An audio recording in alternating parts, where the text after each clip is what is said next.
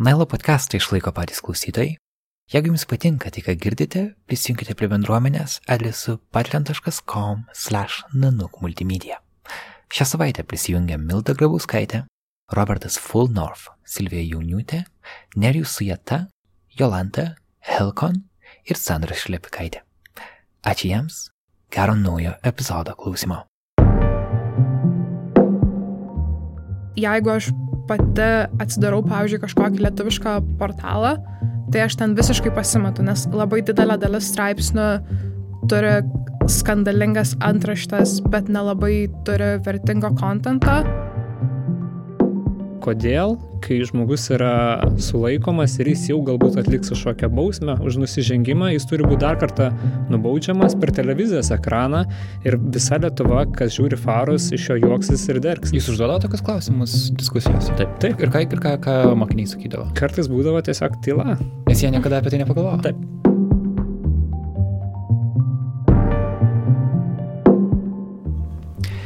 Sveiki visi. Čia Karolis iš Nanuk. Jūs klausotės Nailo podcast'o. Ačiū už tokias šiltas reakcijas į praėjusią savaitės epizodą su holokaustą išgyvenusią profesorę Irena Vysaitė. Visus jūsų komentarus perdavėme jai, be galo džiaugiamės tuo epizodu ir gera matyti, kad jūs jį pajutėte taip pat. Esu Kanzase, Mizūrio valstijoje JAV. Dalyvauju Edward Murrow vardo programoje kartu su 48 žurnalistais iš pusės pasaulio. Čia kasdien susitinkame su skirtingais amerikiečių žurnalistais ir daug kalbame apie medijų raštingumą. JAV tai yra problema.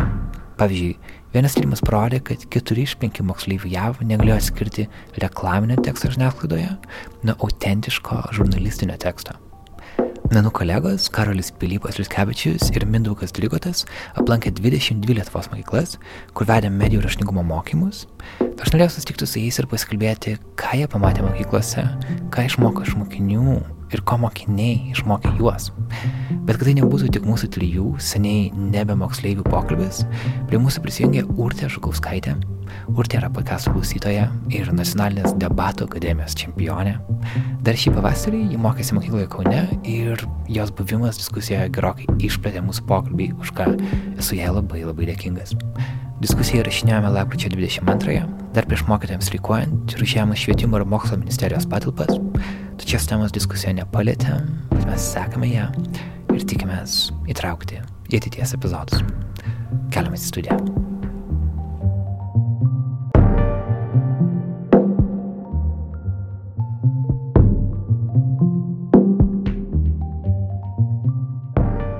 Sveiki visi, aš esu Karolis Pilypas Liutkevičius, esu Nanų multimedijų žurnalistas.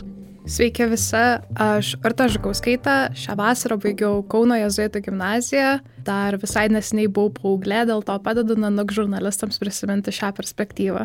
Aš esu Mindaugas Drigotas, Nanuk multimedijų žurnalistas ir kartu su kolega Kaliu Pilypu Liutkevičiumi keliavame po Lietuvos mokyklas ir didelę dalį skiriame edukacijai susijusią su žurnalistika ir medijų raštingumu apskritai.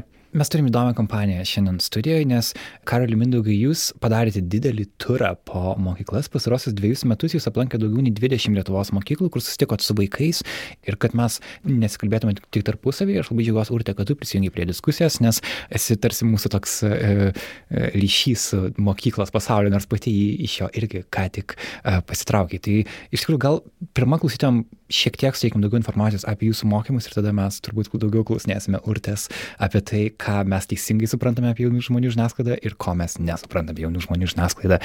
Dar kartą, Karoli, 20 mokyklų, kurias tu aplankai, kokios tai mokyklos buvo? 22 netgi.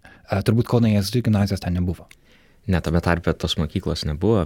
Mokyklas vis dėlto mums parinko ūkdymo plėtotės centras. Kaip taisyklė, tos mokyklos dažniausiai būdavo periferijos mokyklos, mokyklos toliau už didžiųjų miestų sienų ribų, kažkur užmiestyje prieš kelionę aš kažkaip žinojau, kad atsit ta situacija Lietuvos mokyklose nėra labai gera, bet aš nesitikėjau, kad yra tokia įvairovė ir amplitudė skirtumų tų, tų individualių situacijų mokyklų. Yra mokyklos, kurios e, sunkiai mus įsileido, nes turėjo per daug renginių ir yra mokyklos, e, kuriuose vaikai nebėga iš pamokų, nes mokykloje yra šilčiau.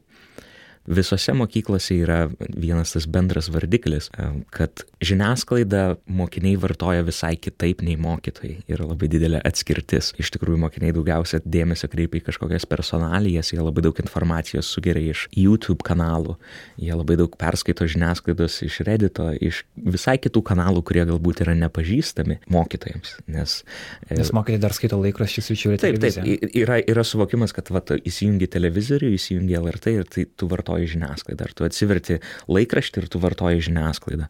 Bet mokinius ir šiaip jaunus žmonės, tame tarp ir mus žiniasklaida pasiekė per tą patį feedą Facebook'o sienoje, ar ne, per tą patį srautą informacijos mūsų socialiniuose tinkluose ar kur nors kitur. Bėda galbūt, kurią aš matau, kad galbūt mokytojai nepažįsta to pasaulio ir nors vaikai kalbasi apie tai, ką jie skaito, jie, jie vartoja ir kažkiek bendrauja apie tai, dalinasi tuo, bet nėra kas moderuotų jų diskusiją. Ne, jie, jie galbūt nes, ne, nepažįsta žurnalistinės etikos principų, e, galbūt nėra susidūrę su suvokimu apskritai, kaip žiniasklaida funkcionuoja, kaip kritiškai žiūrėti į informaciją, ko galbūt mokytojai galėtų pamokyti, bet mokytojams tiesiog tas pasaulis toks tolimas, kartais atrodo, kad jiems neįmanoma tas diskusijas moderuoti. Mm. Mindaugai, kas labiausiai nustebindavo mokinius iš to, ką jūs jiems pasakodavot? Nes jūs tai rodydavot netiško žiniasklaidos pavyzdžių ir dažnai žmonė, žmonės nematydavo ten problemos.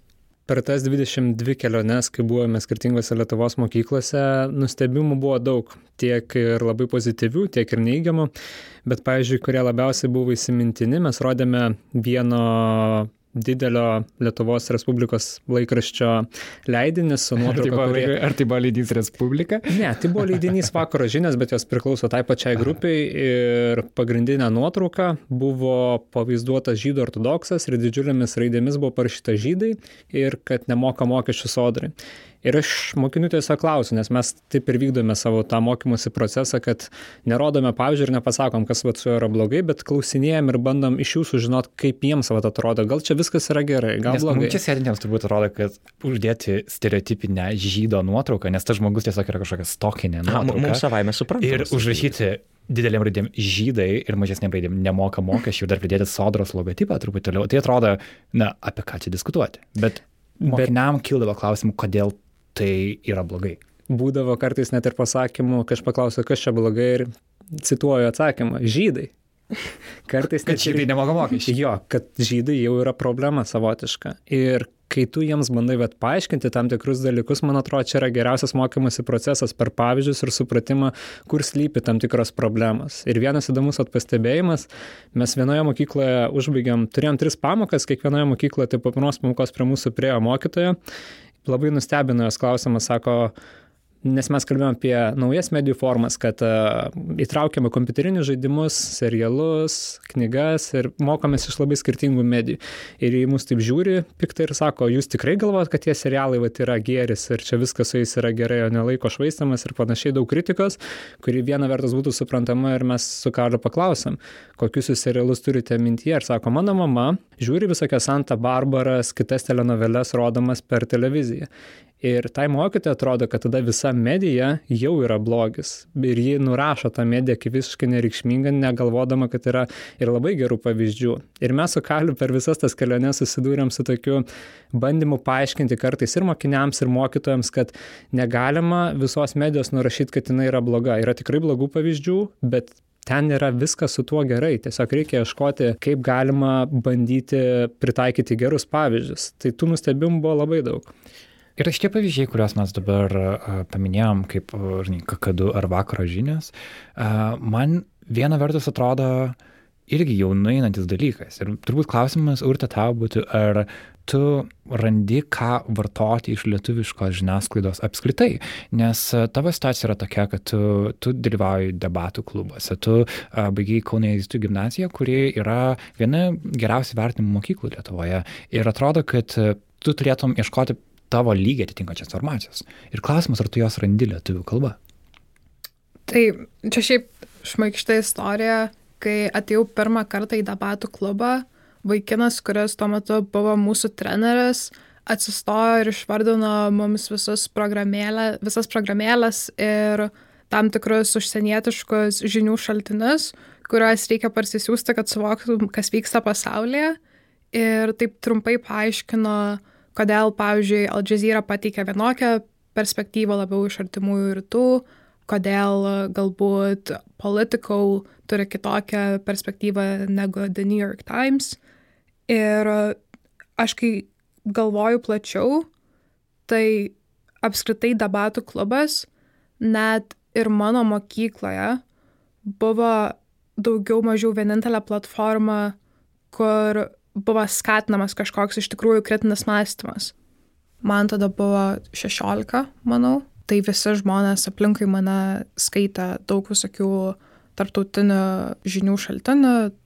Ir aš tada galėčiau sakyti, kad atradau džiaugsmą žurnalistikoje, nes, pavyzdžiui, The Economist straipsniai tikrai yra informatyviai parašyti, jie yra parašyti taip, kur net jeigu tu neturi labai daug iš ankstinių žinių apie patį įvykį, tu vis tiek gali suprasti, kas vyksta. Ir dar dažnai ir šmaikščiai yra parašyti, tai tu netgi visai džiaugiesi juos skaitydamas. Ir lietuviškai ir... tu tokių tekstų nebuvai skaičius prieš tai? Aš lietuviškai nebuvau tokių skai... tekstų skaičiusi ir aš ilgą laiką iš viso nejaučiau poreikio ieškoti kažkokių tokių tekstų lietuviškai, iki galbūt iš viso paskutinių metų gimnazijoje, kur aš pradėjau galvoti, kad, okei, okay, pala, tai aš žinau daugiau apie Jemeną negu kad apie Lietuvą, tai kaip čia gaunasi taip. Ir tada aš pradėjau aktyviai bandyti susigaudyti, kas vyksta Lietuvoje, nes aš nusprendžiau, kad man visgi rūpi.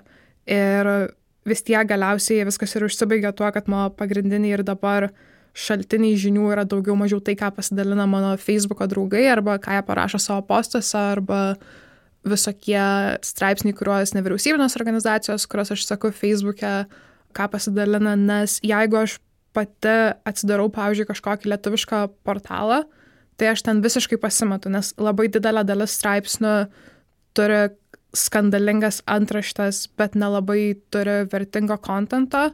Ir tada man atrodo, kad yra dalis straipsnių, kuriuos galima atsirinkti, kur bus tas vertingas kontentas, tiesiog dažniausiai tam, kad tu juos perskaitytum, tau reikės iš ankstinių žinių apie Lietuvos politiką. Ir tai bus labai specifiniai auditorijai, kuri domisi daug kažkokiais įvykiais, bet ne žmonėms, kurie labiau iš šalies nori apie kokį nors reiškinį, sakykime, savo šalyje rasti informacijos. Mhm. Kai būna The Economist Explains, tai The Economist tikrai paaiškina, kai būna 15 minučių uh, explains, tai daugiau mažiau būtų atpasakojimas. Mes irgi, kai mes tuos mokymus vedam ir dažniausiai tiesiog akcentuojam tą kritinį požiūrį ir, ir gebėjimą suvokti, kas yra geras pasakojimas, um, pasakojam, kaip svarbu ugdyti intuiciją, kas yra geras pasakojimas. Pavyzdžiui, man labai patinka politiko prenumeruojamas mano naujienlaiškis, kuris vadinasi Brussels Playbook. E, jis puikiai parašytas, jis labai gražiai aiškina viską ir tai ten, ten yra labai geras žurnalistinis pasakojimas, kurio aš irgi pasigendu Lietuvoje, bet kartais mus mokykloje priremia prie sienos ir sako, tai ką skaityti. Bet čia yra geras klausimas, aš irgi noriu paklausti jūsų, ką skaityti. Ir Nes tai, dėja, jeigu tu skaitai anglų kalbą, tai nėra, aš nenoriu skaityti, kad skaityti lietuviškai būtinai. Ta prasme, uh, žinai, New York Times nėra amerikiečių leidinys, The Guardian nėra britų leidinys, tai yra viso pasaulio leidiniai, bet aš matau problemą, kad ne visi iš karto gali skaityti angliškai. Galbūt galbūt čia jau mano kartos dalykas, gal aš atsimenu save, nežinau, septintoje klasėje, aš nieko, mano anglų kalba buvo, žinai, užpildyti pratybas, bet ne, neskaityti žiniasklaidą. Galbūt dabar anglų kalba jauniems žmonėms ateina daug anksčiau ir žmonės jaučiasi jo natūraliai dėl interneto ar dėl kitų dalykų. Taip, ma ma manau, kad tikrai lengviau anglų kalbą yra išmokti jau vien dėl to, kad um, galima žiūrėti YouTube, galima žaisti žaidimus ir aš tikrai matau, kad jaunesnė karta puikiai jaučiasi anglų kalboje, bet tavo klausimas yra validus, jis yra legitimus šio, šio, šio atveju. Laikausi tos nuomonės, kad jeigu tu vartoji daugiau geros žiniasklaidos, kur egzistuoja geras pasakojimas, kur egzistuoja apčiuopiama žurnalistų kompetencija, ar tai būtų The Guardian, ar tai būtų The New York Times, ar ta pati Al Jazeera, ir jeigu tu juos visus vartoji, tu kuri savo kaip žmogaus intuiciją geram pasakojimui ir geram turiniui. Ir kai tu susiformuoji tą intuiciją, tada tu gali grįžti į Lietuvą ir bristi, kol tu atsikasi iki gero turinio. kaip žmogus vartodamas net ir gerą žiniasklaidą, pavyzdžiui, jisai supras, kad ten geras pasakomas. Panašiai, man atrodo, reikia tam tikrų kartais kelrodžių ženklų. Pavyzdžiui, mes turėjom pilietinį ugdymą, Urti irgi turėjo. Kalis, Abu Karli irgi turėjo. Ir man vat įdomus klausimas būtų Urtės paklausti, ar ji nemano, kad mokykloje koks nors vat, informacinis raštingumas, kaip vat, pilietinių ugdymo pamokos, jos skatintų susiformuotos įrankius, nes informacijos srautai dabar yra milžiniški ir juose susigaudyti yra labai sudėtinga. Aš manau, kad pilietinio ugdymo pamokos yra svarbios, bet aš tada matau čia vėlgi tą platesnę problemą su šviet, visa švietimo sistema, kuri apskritai neugdo kritinio mąstymo. Aš turėjau pilietinio ugdymo pamokas, vienintelis, sakyčiau, toks man atsiminimas iš jų yra tai, kad aš o, galvau, nu, gerai, jau supratau, reikia įti balsuoti. Tai kai man bus ten už... Bet už ką metų, balsuoti? 18 yra... aš eisiu. Tada su daug kitų dalykų irgi panašiai gaunasi. Aš mokiausi metus laiko tarptautinio bakalaureato programoje ir po to grįžau atgal į nacionalinę programą 11-12 klasiai. Tiesiog mačiau žiūri didelis skirtumas, pavyzdžiui, tarp to, kaip per lietuvių pamokas daroma yra literatūrinė analizė arba kaip yra skatinama samprotauti. Taip pat lygiai istorijos pamokose, kurios, nu šiaip iš principo, pilietinis ugdymas, bent jau kiek aš suprantu, Lietuvoje yra iš dalies integruotas į istorijos pamokas, tai čia gal kažkiek tai overlapina tie dalykai. Bet irgi, pavyzdžiui, aš mačiau žiauriai daug problemų su savo istorijos vadovėliu, kur visiškai niekur nėra emphasis ant analizės arba iš tikrųjų kažkokio įvykių vertinimo. Ir man tai atrodo, kad čia yra platesnė problema apskritai su tuo, kokia yra programa, kad ji niekur neugdo kritinio mąstymo. Tai taip, jeigu atsakyti tavo klausimą, būtų nuostabu turėti pilietinio ugdymo pamokas, kurios iš tikrųjų... Ne, aš atsiprašau, turi... tik informacinio raštingumo, turime į pilietinio, tai gali tai, likti. Tai gerai, okei, okay, tai informacinis raštingumas iš to, kad tu pasakai, būtų integruotas tas pamokas, sakykime, kažkaip tai, arba atskirai būtų tos pamokos būtų žiauriai šaunu jas turėti, aš tiesiog neįsivaizduoju, kaip realistiškai jos galėtų atsirasti ir aš galvoju, kad šiaip įmanoma kritinio mąstymo išmokti ir iš kitų disciplinų, tai čia tiesiog platesnė problema yra. Kiekvienoje konferencijoje per šiuos metus, kuriuose aš dalyvavau, kuriuose buvo akcentuojama medijų raštingumo tema, ir kuriuose dalyvaudavo tiek lietuviai, tiek estai, tiek suomiai edukacijos ekspertai, aš pastebėdavau labai didelius skirtumus retorikoje. Lietuvių edukacinės sistemos atstovai apie medijų raštingumą dažniausiai kalba kaip apie išmanesias lentas, kaip apie planšetės. Bet tu maždaug turi mokėti naudotis uh, iPad. Taip. Kai tuo tarpu dažnai minimos Suomijos edukacijos ekspertai kalba apie tai kaip apie kritinio mąstymo lavinimą vartojant naujasias. Tai yra, kai jau naudojasi iPadu, ką tu realiai ten perskaitai. Taip, man atrodo, mes dar esam tame taške, kol turim nutarti definiciją, kas yra medijų raštingumas. E, kalbėjau su viena suomių ekspertė mokytoja ir jie sakė, kad pas juos medijų raštingumas, turint omeny ne išmanesias lentas, o kritinį mąstymą, yra sistemiškai integruotas į visas pamokas. Ir man atrodo, kad tai yra atsakymas. O kuo jie tai grindžia? Kodėl jiems tai yra svarbu? Kodėl jiems svarbu, kad žmonės galėtų kritiškai vertinti tai, ką jie skaito? Žiūri, klauso jiems tai atrodo savaime suprantama, nes e, medija ir apskritai informacija, kuri mus pasiekė, jie pasiekė per visai kitus kanalus, nei pasiekdavo anksčiau. Ir tai reikalauja, kad ir tose kanaluose, ir per tuos kanalus vartojant informaciją, kuri įgauna visiškai kitas formas, nei mes esame įpratę, ją irgi reikia žiūrėti kritiškai. Ir reikia formuoti įrankius, kurie leistų tam žmogui žiūrėti kritiškai.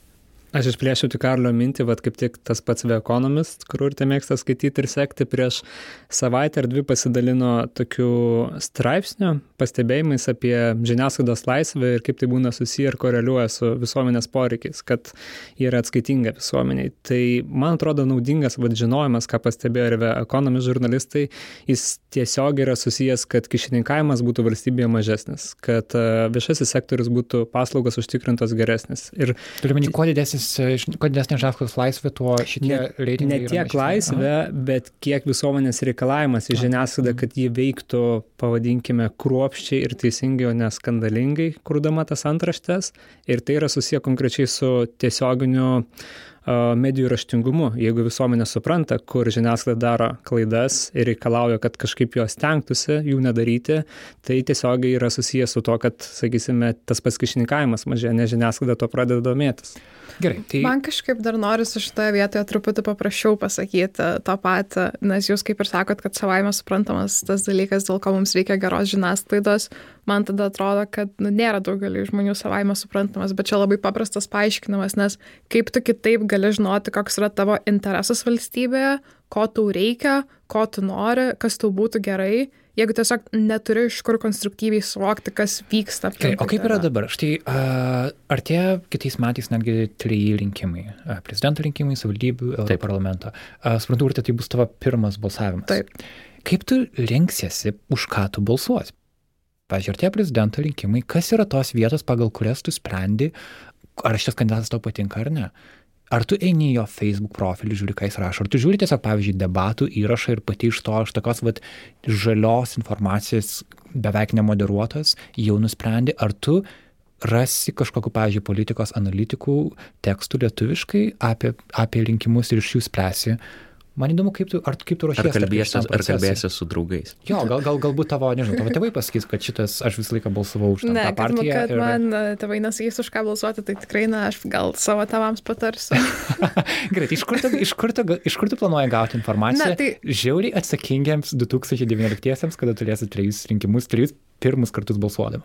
Žiūrėk, nu, aš tai galvoju, kad vis tiek aš stengiuosi kiek įmanoma daugiau iš pirminių šaltinių gauti informacijos. Tai yra debatų žiūrėti, žiūrėti, ką patys politikai sako, kaip jie sako, kaip jie suvokia tas problemas, kurios rūpi man. Dėl to, kad man atrodo, kad šitoje vietoje aš turiu įgūdžius, žinai, atsifiltruoti, kuo aš tikiu, kuo aš netikiu ir kas man atrodo, kad stipresnį argumentą padaro arba geriau suvokia kažkokias problemas. Kad straipsnių kitų analitinių skaityti, irgi tą darau, bet aš apskritai neseku žiniasklaidos. Ta prasme, man kažko reikia, aš atsisėdu, aš išsiaiškinu, aš uh, paimu visą tą šūdų krūvą su visom skandalingam ten antraštėm, nežinau, mačiai, aš tiesiog dar galvojau prieš tą pokalbį, kaip vieną kažkurą dieną labai labai vasarą prajuokino, kai buvo Lietuvos gėjų lygos, visi tie ofiso padėgymai, antraštės gėjai skundžiasi. Jo, nes tai, bet... tai ir tai buvo naujiena, kad ne, ne pats padėgymas. Man atrodo, dar yra truputį momentas, kad jeigu tu esi išlepintas tos užsienietiškos žiniasklaidos, pripratęs prie tokio žurnalizmo, kurio tu džiaugiesi, tai tada tu susikaupti ir sekti lietuvišką žiniasklaidą, nu, tu supranti, kad svarbu, bet demotivuoja žiauriai ten kapstytis visur taip. Ar nėra taip, kad tau tai atstoja Facebookas, nes kartais galbūt Facebook'e turi proting, ne tik protingesnių, bet žmonės kartais ten daro didesnės, įdomesnės analizės, įdomesnės diskusijas negu, pavyzdžiui, e, straipsniuose portaluose. Šiaip tikrai turiu protingesnių draugų už save, um, bet šiaip uh, labiau tokia veikia kaip trupinėliai. Ta prasme, tu savo Facebook'e pamatai kažkokius ten trupinėlius ir galvoji, oi šitas dalykas yra svarbu, čia kažkas vyksta, gauni tokį kaip alertą, tada pagal tą alertą galvoji, gerai, šitą reikia išsiaiškinti, tada atsisėdi, atsidarai Delfį, atsidarai 15 minučių, man čia 15 minučių labiau negu Delfį patinka, pragooglini ten dalykus ir išsiaiškini, kas vyksta, kiek tik tai gali. Dar jeigu ten nežinai kokiu nors politikų vardų, nes niekas tavęs ant šitų dalykų nedukavo, tai ten paskambini uh, tėčiui paklausi. ir, žodžiu, ir tada susidarai savo nuomonę. Kaip manai, kiek yra, koks procentas dvyliktokų yra, kurie įdeda tiek daug darbo į paiešką kažkokios politinės. Aš manau, kad vieno. Nes aš manau, kad tu, kad tu įdedi daugiau darbo negu kiti. Aš manau, kad ir vieno procento nebūtų. Tai ką mes galim dabar?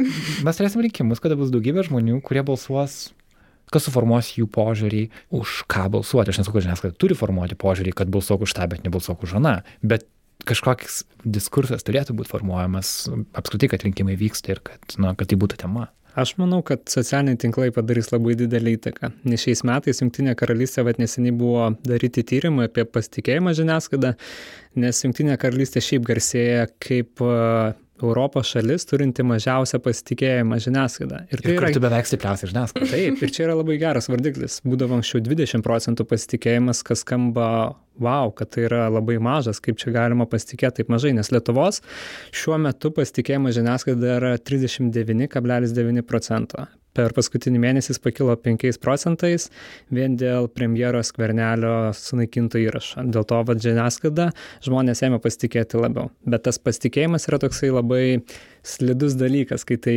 įvyksta tokiais trumpalaikiais momentais. Bet grįžtant prie Didžiosios Britanijos, socialiniais tinklais dabar pasitikė apie 24 procentus ją vartojančių žmonių jaunų žmonių. Ir tai byloja, man atrodo, labai tokį sveikintiną dalyką, kad žmonės tą informaciją vertina pakankamai kritiškai, žiūri, kas jų ratose yra svarbu, į ką atkreipti dėmesį. Ir man atrodo, susiformuos tam tikra kritiška masė, bet visiškai naujoms medijoms. Tai nebus televizija, tai nebus spauda, radijas, tai bus visiškai naujos medijos. E, socialiniai tinklai, Instagram, Snapchat, tas pats podcastas ir daugelis kitų. Tiesiog mes turime, atrodo, kaip žurnalistai irgi suprasti, kad e, mes kartais užsidarome tokiuose elitistinėse klubuose, kur kaip čia galima nesupras, kad vakaro žinios daro blogai. Bet mes keturis metus arba dar daugiau mokomės, dirbame su uh, informacija ir suprantame tam tikrus dalykus. Didžioji visuomenės dalis ne. Ir reikia bandyti ir savo paaiškinti, kad reikia apie tos dalykus kalbėti.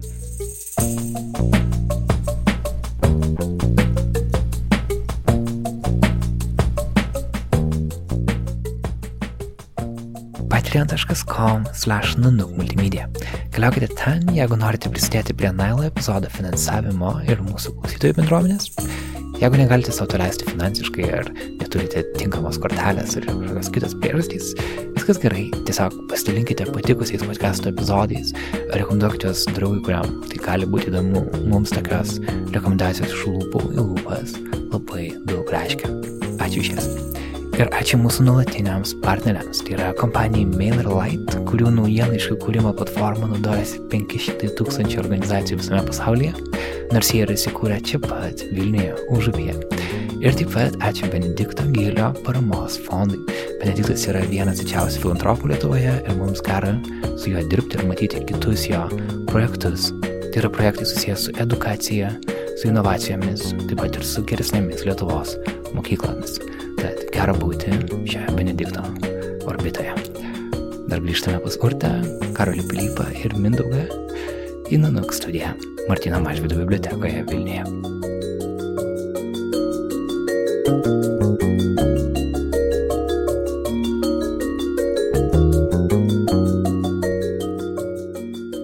Tai vėlgi aš grįžtu prie to, kad žiniasklaida, mano supratimu, yra reikalinga tam, kad padėtų žmogui kažkaip susiorientuoti uh, sudėtingose dalykuose. Ir jeigu mes perinam prie jaunų žmonių, mes turim galvoti, kokios problemos jiems yra aktualios. Ir tu būdama mokykloje, kokie dalykai tau buvo svarbus, apie kuriuos tu norėjai kažką sužinoti daugiau?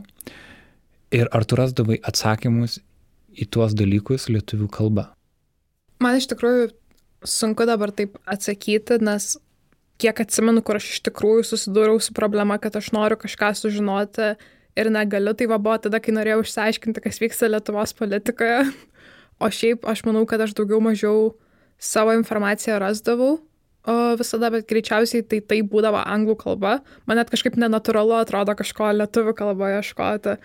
Tai aš matau žiūri didelę problemą su lytinio ugdymo trūkumu mokykloje. Jo, tai tarkim. Ir kad apskritai apie visą situaciją mokyklose, nes aš turiu tiek daug nusiskundimų švietimo sistema ir aš dabar po truputį jau vis labiau įsigilinu ir suprantu, dėl ko tos problemos egzistuoja. Tada galėjau galvoti apie tai, kaip galbūt potencialiai būtų galima taisyti, bet nu, čia yra dėl to, kad aš tiesiog susidūriau su tokiais šaltiniais, kur man pasisekė. Nu, pavyzdžiui, aš dalyvavau žinau ką ranku iniciatyvoje, kur aš kalbinau visai daug politikų ir jie man tada pateikė atsakymus, kuriuos aš norėjau išgirsti, bet tai nebuvo kažkas, ką aš radau žiniasklaidoje. Kai aš norėjau tų atsakymų apie apskritai tai, kokia yra švietimo sistema, kas mane tiesiog būnant mokykloje žiauri, žiauri erzina.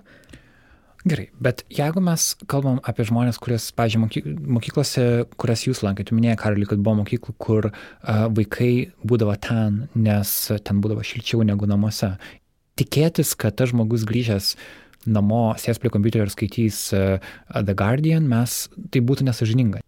Ir tada atsiranda klausimas. Pavyzdžiui, tu paminėjai lytinio švietimo e, temą. Įsivaizduok, kad yra mergina iš e, skurdžiai gyvenančios šeimos, kas tampa jos lytinio švietimo mokytojai. Arba aš suprantu, kad arba kiti draugai, nes kitokios informacijos tu neturi. Ir tada tu gali, tarsi, jeigu tau pasiseka, tu gali gauti gerą informaciją, gali gauti labai blogą informaciją. Ir lygiai taip yra su daugeliu kitų klausimų. Tai man įdomu, žinai, aš nenoriu, kad mūsų išvada būtų ta, kad skaitykite daug užsienio žiniasklaidos ir rasite atsakymus nes ne visi, ne visi turi galimybę tai daryti. Ką tu apie tai manai? Nežinau, vos tu užduodi šį klausimą, mane užgula toks, tokia liūdnumo banga, nes nėra tų atsakymų taip lengvai randamų. Tu sakai, kad e, taip jie gauna tą iš draugų, tai kažkoks yra trial and error bandymas ir klaida, ar ne?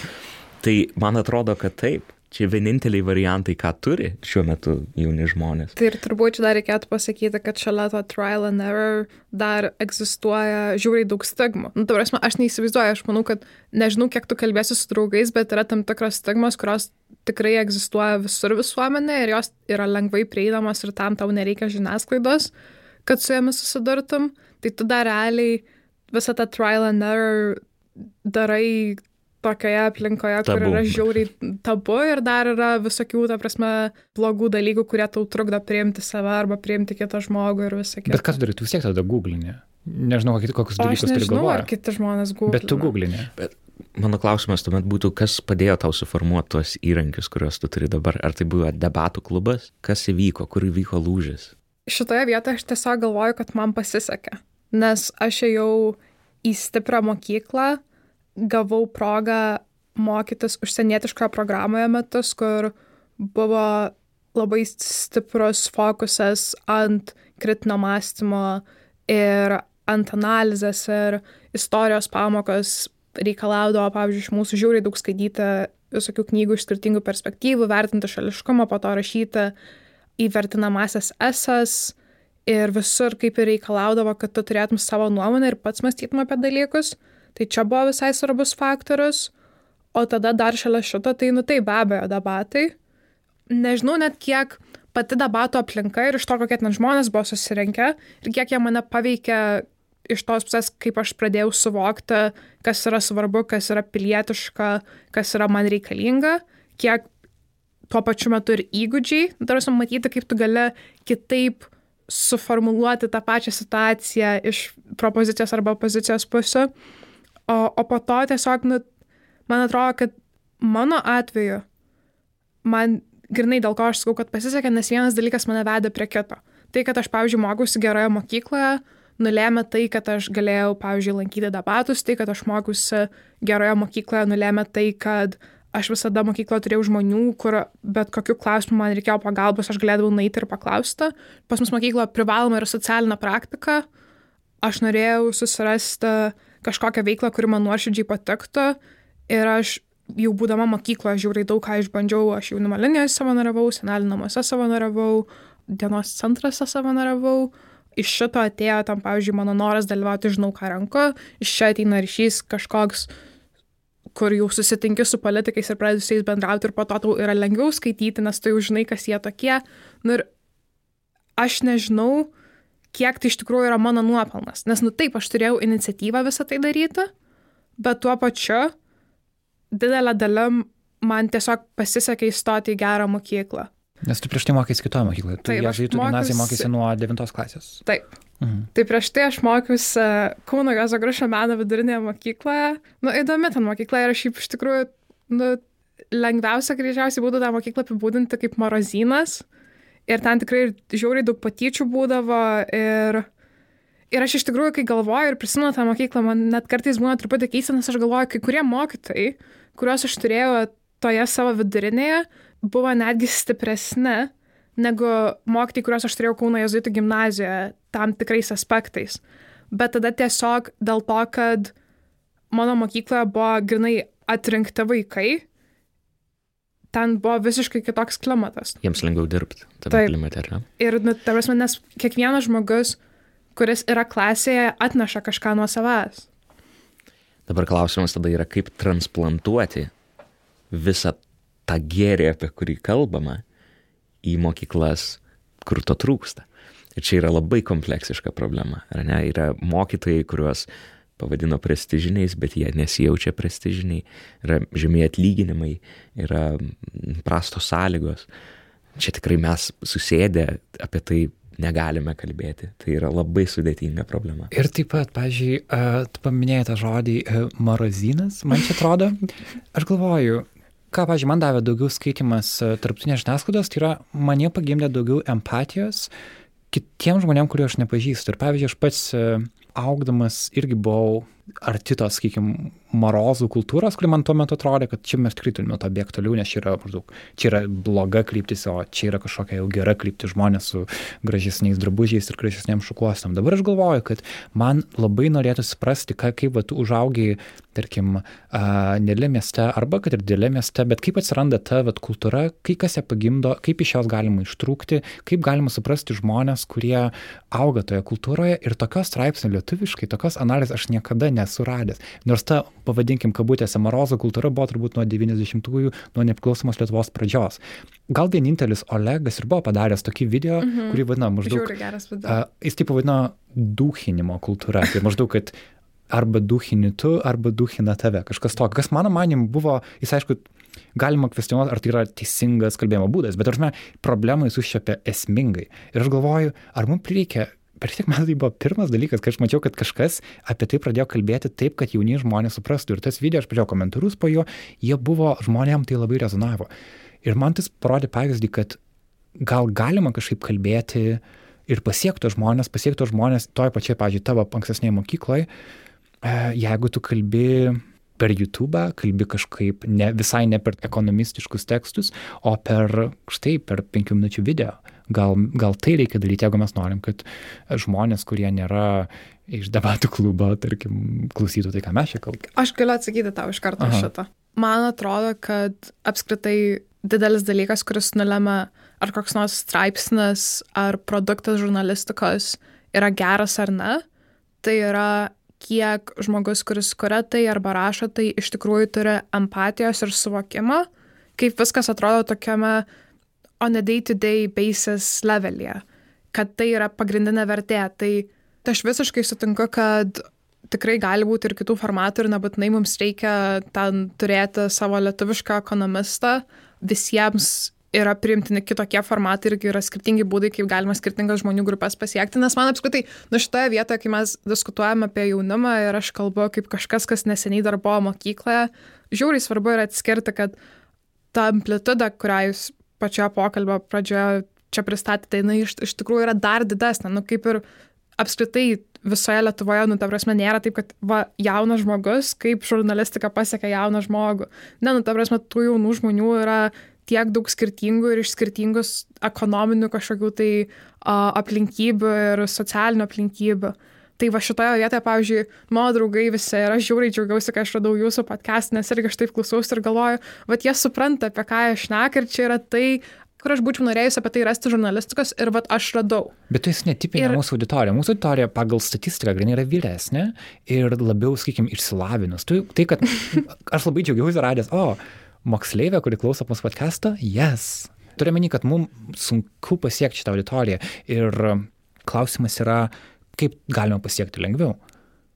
Man tai atrodo, kad čia toks ir gaunasi step procesas. Aš galvoju, kad kodėl jūsų auditorija yra tokia, kokia yra, tai nes nu, vis tiek daugiau mažiau jūsų auditorija yra tokia pat, kaip ir jūs esate. Tai Bet Olegas yra mūsų bendramžys irgi. Bet jis daugiau pasiekia jaunų žmonių, nes jis kalba tą kalbą. Galbūt tai yra vienas iš atsakymų. Čia reikėtų jo Taip, paties paklausti. Bet aš sutinku, bet tada kitokie truputėlį formatai. Nu, ta prasme, Olegas turbūt kitokią žinutę siunčia, negu kad jūs siunčiate.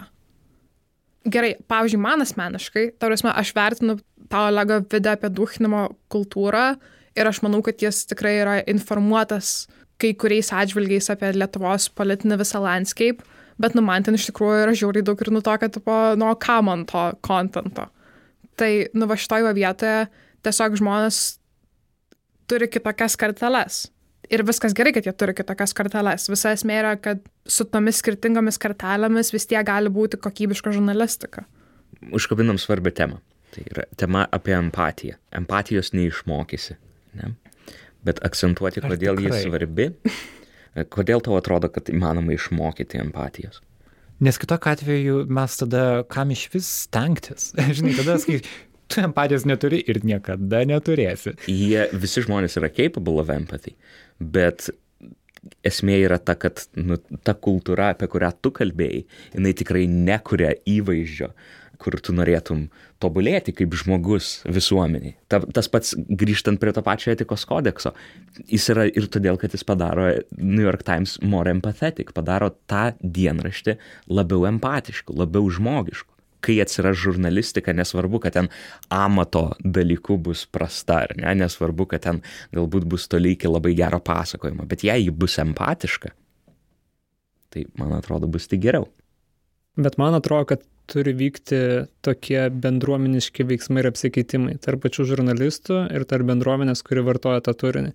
Man, pažiūrėjau, iš visų 22 mokyklų paliko labiausiai įspūdį pradinių klasių mokykla, kur mes tumi keliavome ir jų moralinis kompasas yra labai toks tiesmukas, bet gerąją prasme. Jie klausia mūsų, kaip jūs dirbat žurnalistinį darbą, kiek uždirbat. Ir kai Karlis klausia, pavyzdžiui, apie paralimpiečius, kur mes darome projektą Galė nugalėti multimedijų par projektą ir mes dažnai sutinkame neįgaliuosius, sakysime, ar parduotuvėje ir juos apeiname didžiuliu spinduliu, Karlis paminėjo šitą pavyzdį, ir tada daugelis iš jų tiesiog taip įsižiūrė ir sako, tai kaip čia taip negalima daryti. Ir jiems tas iš karto susišaukia, kur pas vyresniuosius būna palinkčiam arba jie tiesiog prausis praeina.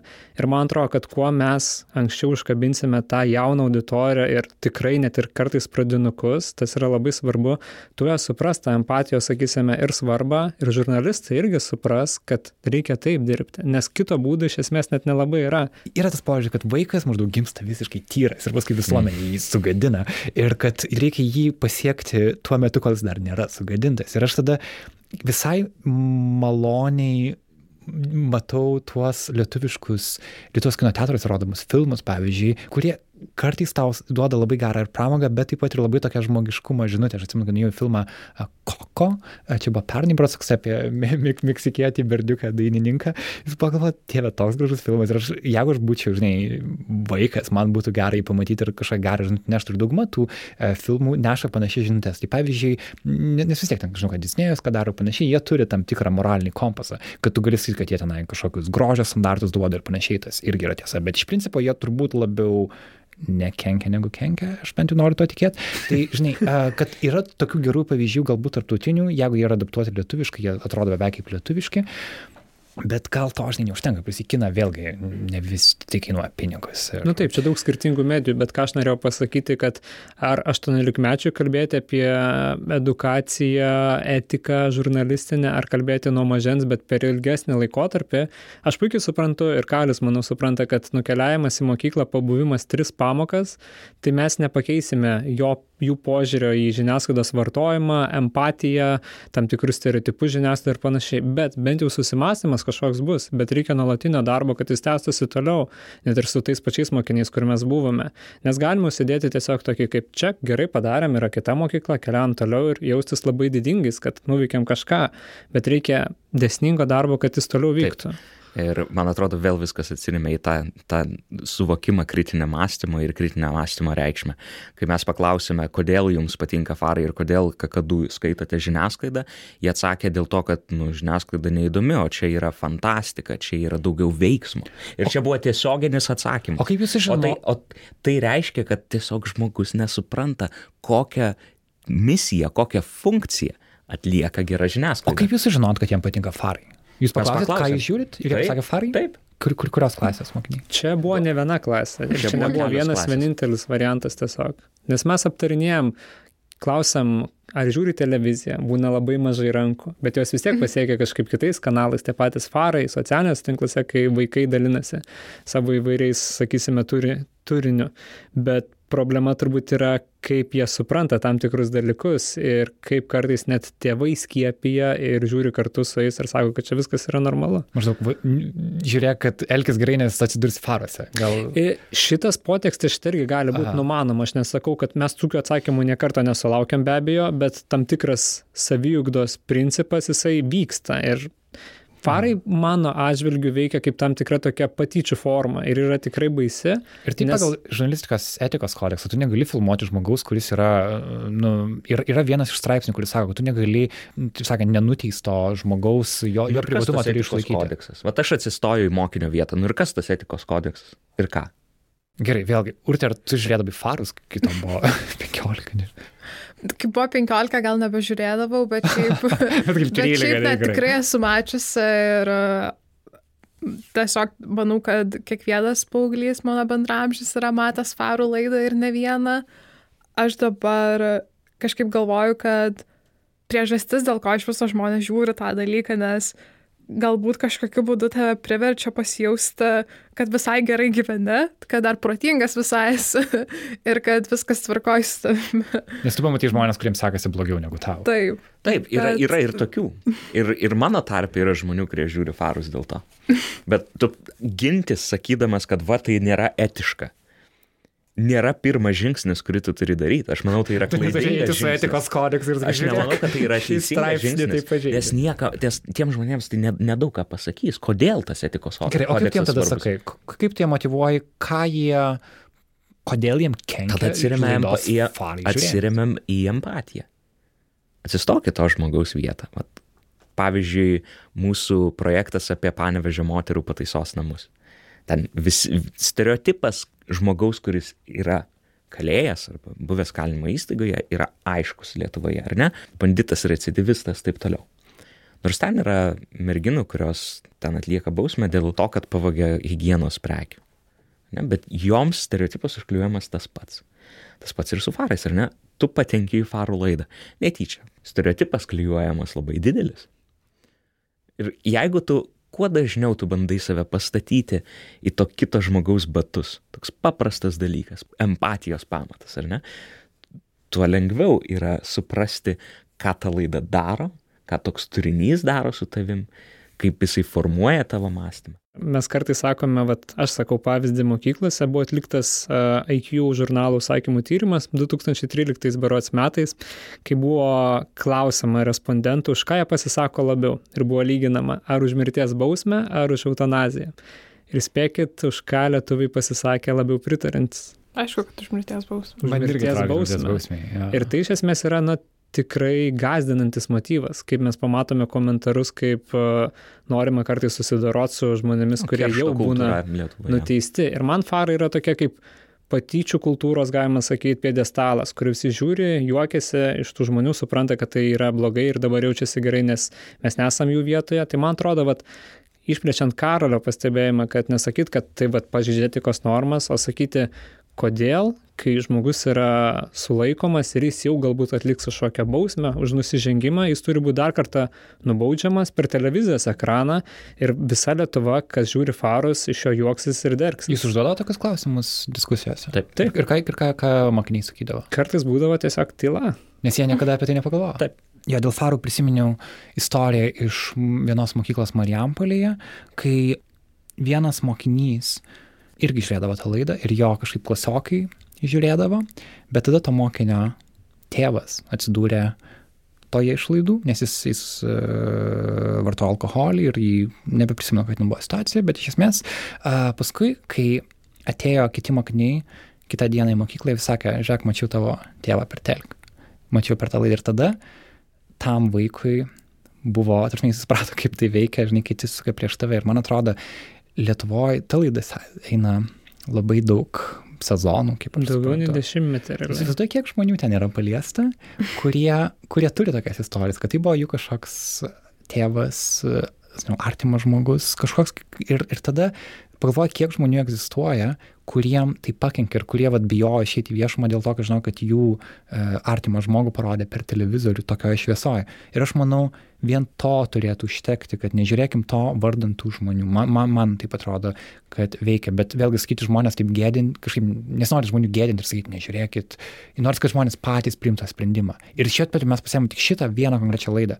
Pavyzdžių yra daugiau, manau, kad aš atsimenu, kaip kokią nors ten atsimenu, visas buvo dainininko Minedo istorija, kada jis žmogus, kuris tiesiog negalėjo dainuoti, iš jo muzikos produceriai bandė padaryti dainininką, vedė į laidas ir visi žiūrėdavo, kad jisai kuo baisiau apsikvailintų. Tai prasme, aš noriu manyti, kad tai buvo kažkoks 2005 dalykas, žinai, kada jau dabar mes tarsi taip nebedarytumėm, o gal ir darytumėm. Darytume, nes turim pavyzdį šiais metais, kuris buvo su mergina iš Didžiosios Britanijos lietuvė, kuri vis sakydavo mhm. like, like. Mhm. Ir tas nugulė net iki tol, ne tik į socialinius tinklus, bet kai kurie pradėjo daryti net marškinėlius su jos veidu mhm. ir frazėmis like, like. Tai ta patyčių kultūra yra labai plačiamis formomis nugulus. Ir tavo pavyzdys su Marijampolė, aš turiu irgi pavyzdį, kuris nesinorėtų viso eterio užgošti faro laidoms, tai bet tiesiog vienas iš pavyzdžių buvo, kai vienas mano pažįstamas, jo irgi kažkoks artimasis pateko į farų laidą ir viskas baigėsi tuo, kad tas žmogus kažkada ieškojo darbo ir negavo darbo vien dėl to, kad kažkas žinojo, kad jisai buvo toje laidoje ir sako, ne, mes nenorime, tu buvai nusikaltimą padaręs. Wow. Ir įsivaizduokit, jeigu tas nusikaltimas, kur tu išpirkai bausmę ir visa kita, bet nebūna faruose ir tavo gyvenimas toliau klostosi normaliai kaip ir turėtų būti, o farai tave dar kartą nubaudžia ir ja, tas yra viešų, viešų gėdinimu kad visą tai pasikeistų, reikia esmingai keisti švietimo sistemą, bet vėlgi atsidurti tam to išvadoje, kad reikia keisti švietimą, tada tu įtampa tokia, o dieve, taip, reikia keisti, bet kaip, nuo ko pradėti. Tai kritinio mąstymo ūkdymas, iš principo, ne tik kritinio mąstymo žiniasklaidai, bet kritinio mąstymo apskritai turbūt turėtų būti prioritetas, nes tada visa kita daugmaž sudėlio savo vietas, mano manimu. Ir klausimas, kaip tą kritinį mąstymą skatinti.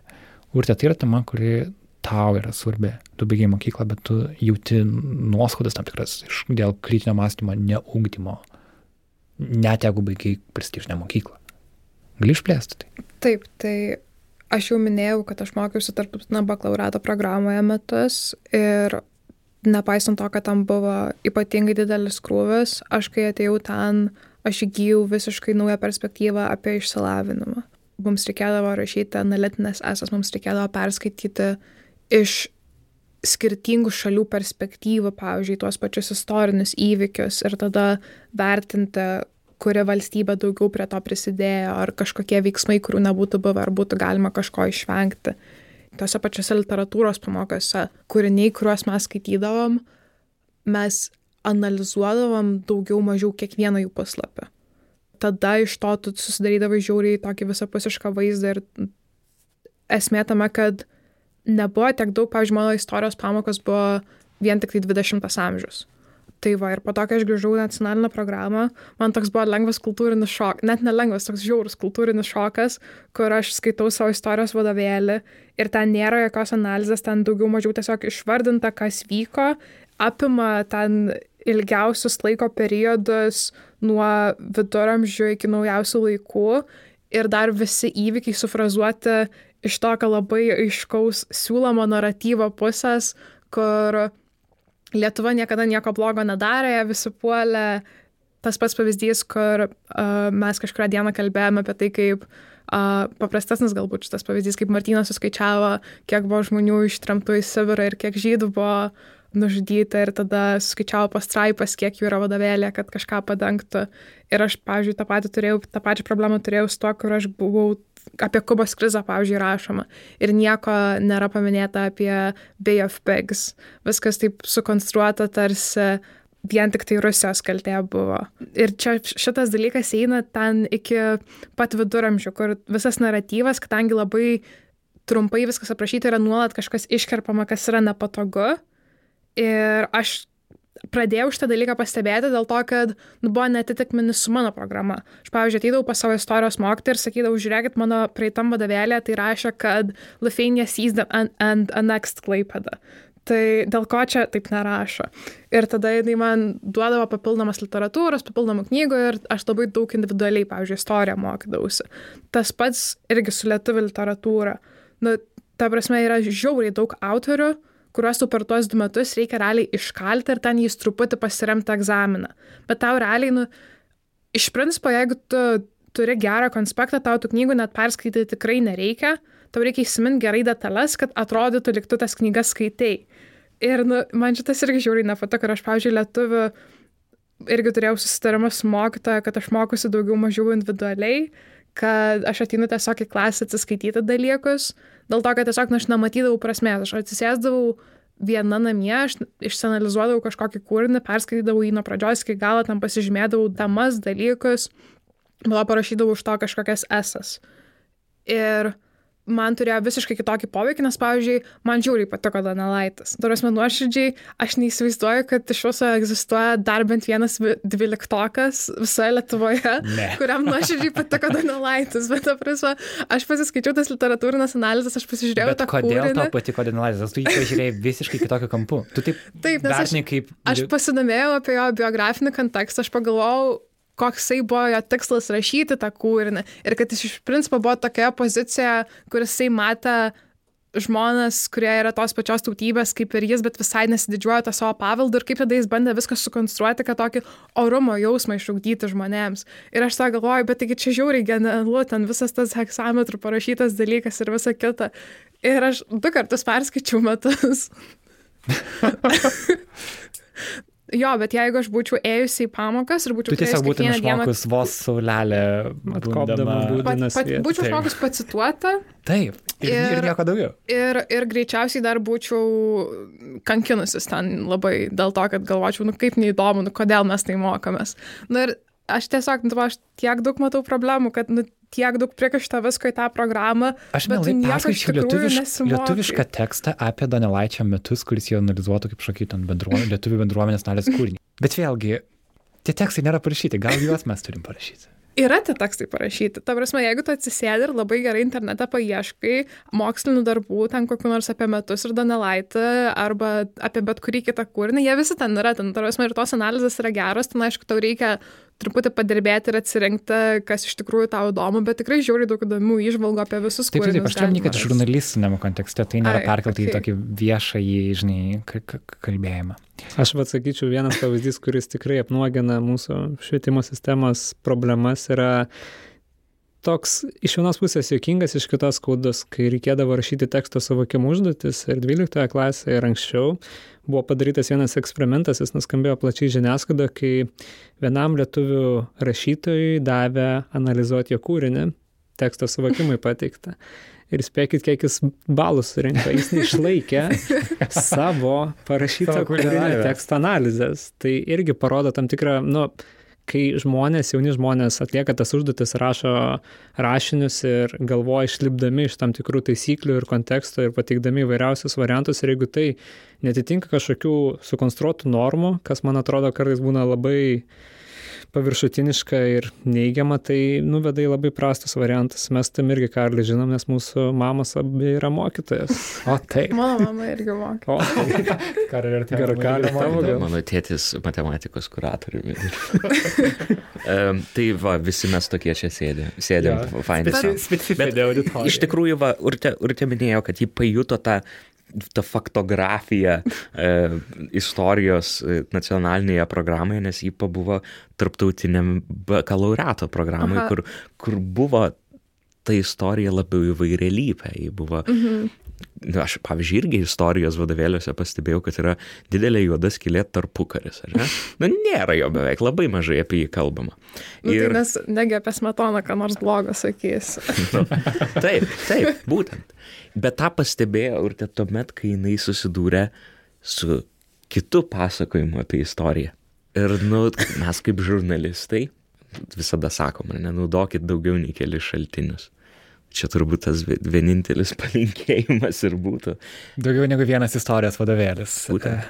Ir e, iš, paieškokite, ten yra Edvardo Lukasą. Bet matai, problema turbūt yra, yra vien tas, kad programa yra labai didžiulė ir masiška mhm. ir tu per ją keliauji prabėgomis.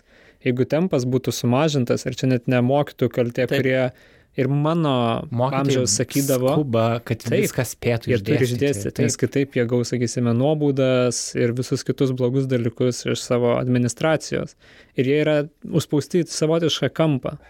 Mes paleisime epizodą apie Suomijos švietimo sistemą. Vienas didžiausių skirtumų, kurį ten pastebėjom su lietuviška sistema, yra, kad mokytojai Suomijai turi labai daug laisvės spręsdami, kaip jie iš tikrųjų praveda pamoką, kam jie skiria daugiau dėmesio, kam mažiau. Jie turi tikslą, ką jie turi padaryti, bet kaip iki to prieiti, jie turi laisvę. Ir man atrodo, Lietuvos mokytojai mes dažnai juos kritikuojam ir turbūt pelnytai kritikuojam, bet taip pat reikia suprasti, kad kartais jie tiesiog yra sistemos dalis ir jie turi tai, ką jie turi išdėstyti ir ne nuo jų visą laiką tas priklauso. Mes kalbam apie kritinį mąstymą, bet man atrodo, jo reikia ir tiems, kurie vykdo reformas. Ir kurie sudarinėja programas. Ir kodėl, e, kai mokytojai protestuoja, skvernelis gali atsistoti ir sakyti, kad, na, viskas tvarkoj su to mokyklom, viskas gerai vyksta ir nors jo pačią mokyklą protestuoja. Turbūt išvada yra ta, kad mes neturėsime kritinio požiūrio žiniasklaidą, neturėtume kritinio požiūrio į kitus dalykus irgi. Tai yra sisteminis dalykas, kas neskamba kaip labai, wow, kažkokia nauja išvada. Viskas yra sistemiška, bet iš esmės turbūt tai reikia suvokti, kad mes negalim surginti vieno dalyko, nes tvarka požiūrį į istorijas, požiūrį į literatūrą, apskritai požiūrį į žmogų. Čia yra ką kalbėti dar papildomai. Bet ačiū Jums, kad aptarėm šiandien tai. Ačiū Urte, kad prisijungiai. Nėra už ką. Dėkui Jums visiems. Visą.